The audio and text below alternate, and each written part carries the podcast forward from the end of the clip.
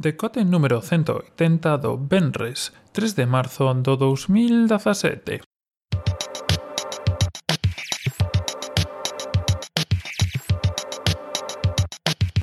Bos días e benvidos ao día de lanzamento da Nintendo Switch, tamén coñecida a Nintendo do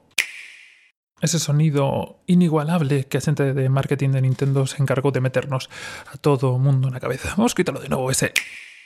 Da gusto escoitalo. Bueno, aproveitando que o día de lanzamento eh, teño preparado unha edición especial, bueno, non é especial, pero teño preparado un recopilatorio de todas as cousiñas que vos fan falta saber para día 3, hoxe, eh, estar o día de todo o que pasou no mercado, que está pensando a xente, que di do dispositivo, que di do Zelda Breath of the Wild, que é o primeiro que sai,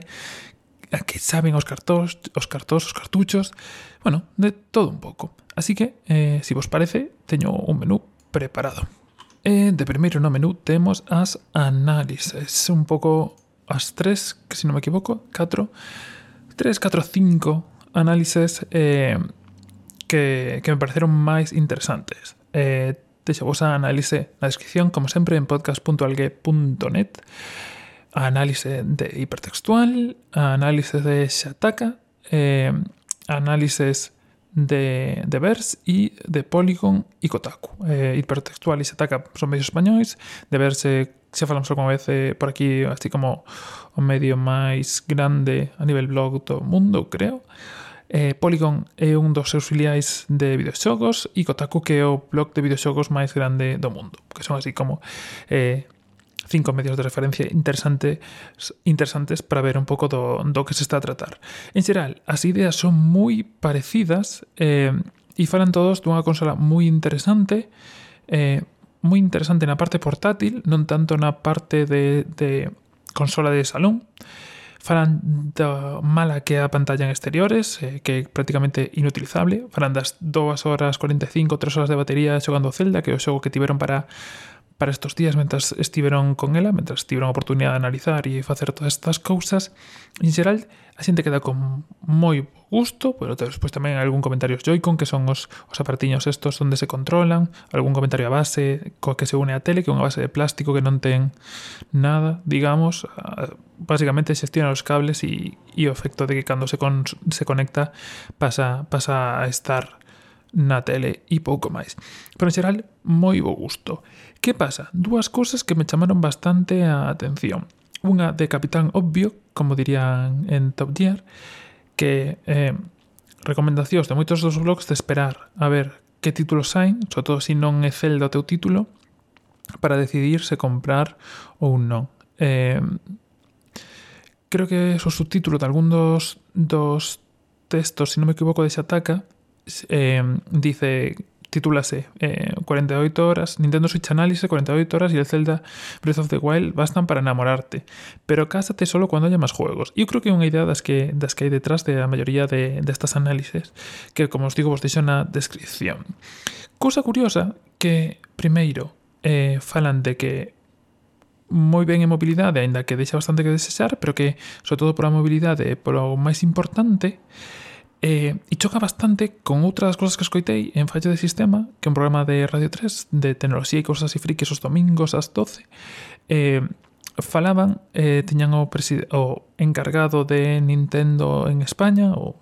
de comunicación o marketing, ahora non me lembro ben do posto, deixevos o podcast, pero eh, saquei o corte onde falaban un pouco máis desto, que este corte, como os digo, de fallo de sistema.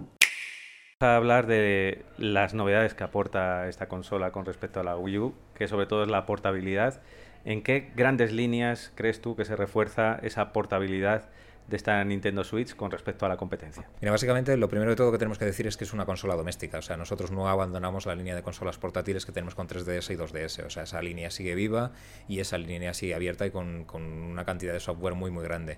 Eh, como consola doméstica sabes que somos la compañía pequeña del sector, sabes que somos la compañía que tenemos que innovar eh, e intentar separarnos de lo que hacen los dos monstruos del sector, que son compañías mucho más grandes y con mucho más recursos que nosotros, y al final lo que hacen siempre Nintendo es plantear eh, irse por el lado de la inventiva. En este caso la inventiva es, vale, casi casi te estamos dando una máquina del tiempo, es una máquina que te compra tiempo para que tú puedas seguir relacionándote con tus partidos o con tus videojuegos fuera del ámbito doméstico. De ahí el, carácter portable de la consola. O sea, es una consola que tú puedes jugar en el salón de tu casa, solo con un montón de gente, y esa misma partida te la puedes llamar para, jugar en, lo que llamamos modo portátil o incluso en lo que llamamos modo tabletop, crearte tu propio espacio de juego donde la pantalla de la consola es una mini televisión y donde los dos joystick, los dos Joy-Con de la consola se convierten en dos mandos individuales y más de una persona puede interactuar con esa consola.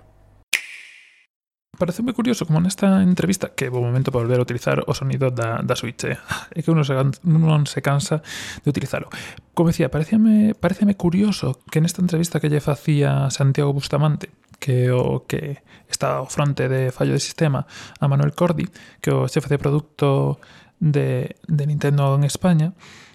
eh, indicaba claramente que era unha eh, consola doméstica, non tanto para exterior e, bueno, quizá eh, fala un pouco do, do coñecedores que son eles de que, bueno,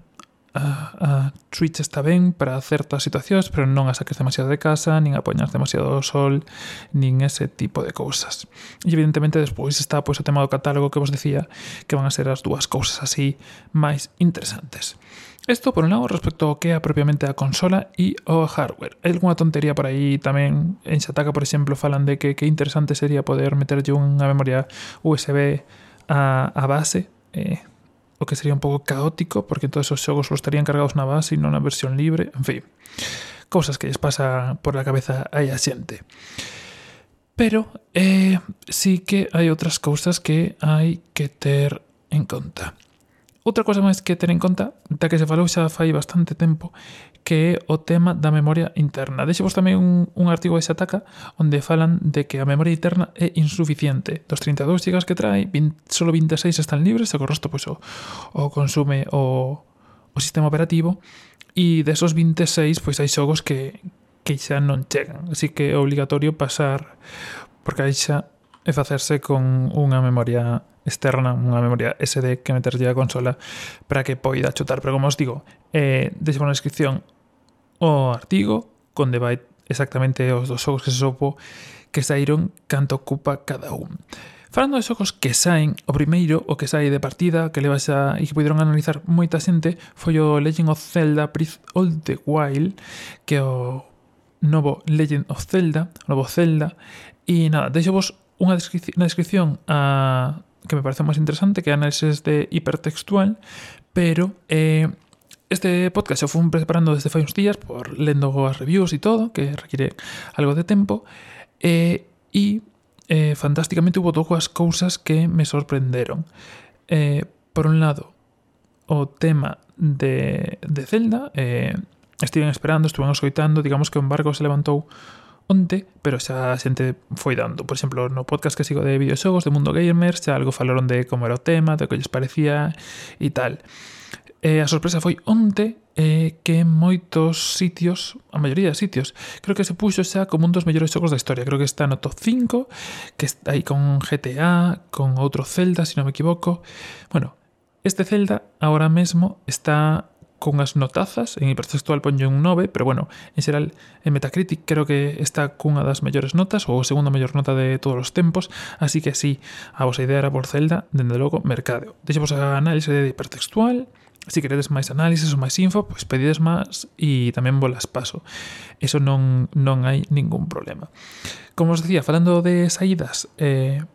hai unha lista de, de todos os títulos, deixevos unha lista de, de IGN, donde falan de todos os títulos. Non me vou parar moito, así das cousas que máis me interesan a min, pois evidentemente Zelda que sai o, o primeiro día, houve algún xogo que se retrasou, sobre todo dos que tiña eu bastante interés, como The Binding of Isaac, digo interés, non o vou mercar, pero bueno, era son dos xogos que máis que máis xogo e, e que, polo tanto, eh, teña interés en ver cando saían, que se retrasou. E, bueno, deixo vos a lista completa que en, en IGN dos xogos que van ir saindo e, se si queredes tamén de novo máis información ou suscribiros a algún calendario que os vaya avisando, pois pues, decidesmo e volvou pasando tamén. E eh, así xa por último, e tamén a segunda nova que saltou onte que me deixou bastante tolo porque eu xa escoitara, eh, é moi absurdo Pero, eh, xa que hai moita xente por aí lamendo cartuchos, pois que os eivades. Eh, ao parecer, eh, os cartuchos da Switch veñen con algún tipo de sustancia para que saiban mal. Eh, esto faise para que, como son os cartuchos pequenos, ou creo que son dos máis pequenos que utilizou Nintendo ata agora, ainda que a mí me soa que hai cartuchos tremendamente pequenos, por aí os da 3DS son moi pequenos, os da xa anticuadísimas fans, creo que eran aínda máis pequenos, pero bueno, o tema, que estos cartuchos van impregnados con el tipo de sustancia para que saiban mal, así que hai xente por aí lamendo cartuchos de Switch, en concreto de Zelda, que eran o que tiñan a man, por si o vedes por aí, pois saben que se ibades, ou por si por casualidade, a finalmente a mercades, pois se si queres probar a que sabe mal, pois sí, sabe mal. Isto tamén confirmou Nintendo, así que, bueno, quedamos aí o tema por si a tontería, por si vos interesa, pois que pois que os saibades. E creo que iso é todo. Eu, pola miña parte, non a vou mercar, por menos non de momento, polo menos non por agora, a verdade que levo moito tempo sin comprar ninguna consola, non creo que vaya a ser esta, ainda que é moi... Eh, bueno, o tema de, da mobilidade doméstica, como diría o, o de producto de Nintendo, é interesante, pero bueno, espero que toda esta información vos sexa útil, que pasedes o tempo necesario lendo todo o que hai por aí e senón que pues, por lo menos vos servirá para poñernos un pouco día de, de exactamente que pasa coa Switch e con todo. E a partir de agora supoño que xa deixaremos aí e veremos si as third parties, si as empresas, os xogos que non son de Nintendo apoyan ou queda aí no esquecemento. Nada máis por hoxe, nada máis por esta semana. Eh, como sempre tedes todo no blog en podcast.algue.net, tedes os enlaces, tedes os enlaces ás redes sociais, tedes os podcasts anteriores e tedes, se non vos fixastes na portada, normalmente, se me dá tempo, queda preparado xa eh, de que vai ir un pequeno guiño ao que será o próximo podcast. Nada máis, deixademe o vosso feedback, como sempre en iTunes, agardo vosas esteliñas e comentarios, tamén podedes facer no blog, moito máis xelo e eh, senón por redes sociais que tamén as tedes á esquerda dos posts en cada un dos podcasts. Nada máis, que teñades unha boa finde, un bo tempo, espero, porque xa vai sendo hora de que o tempo. Apertas e saúdos para todos. Ata logo.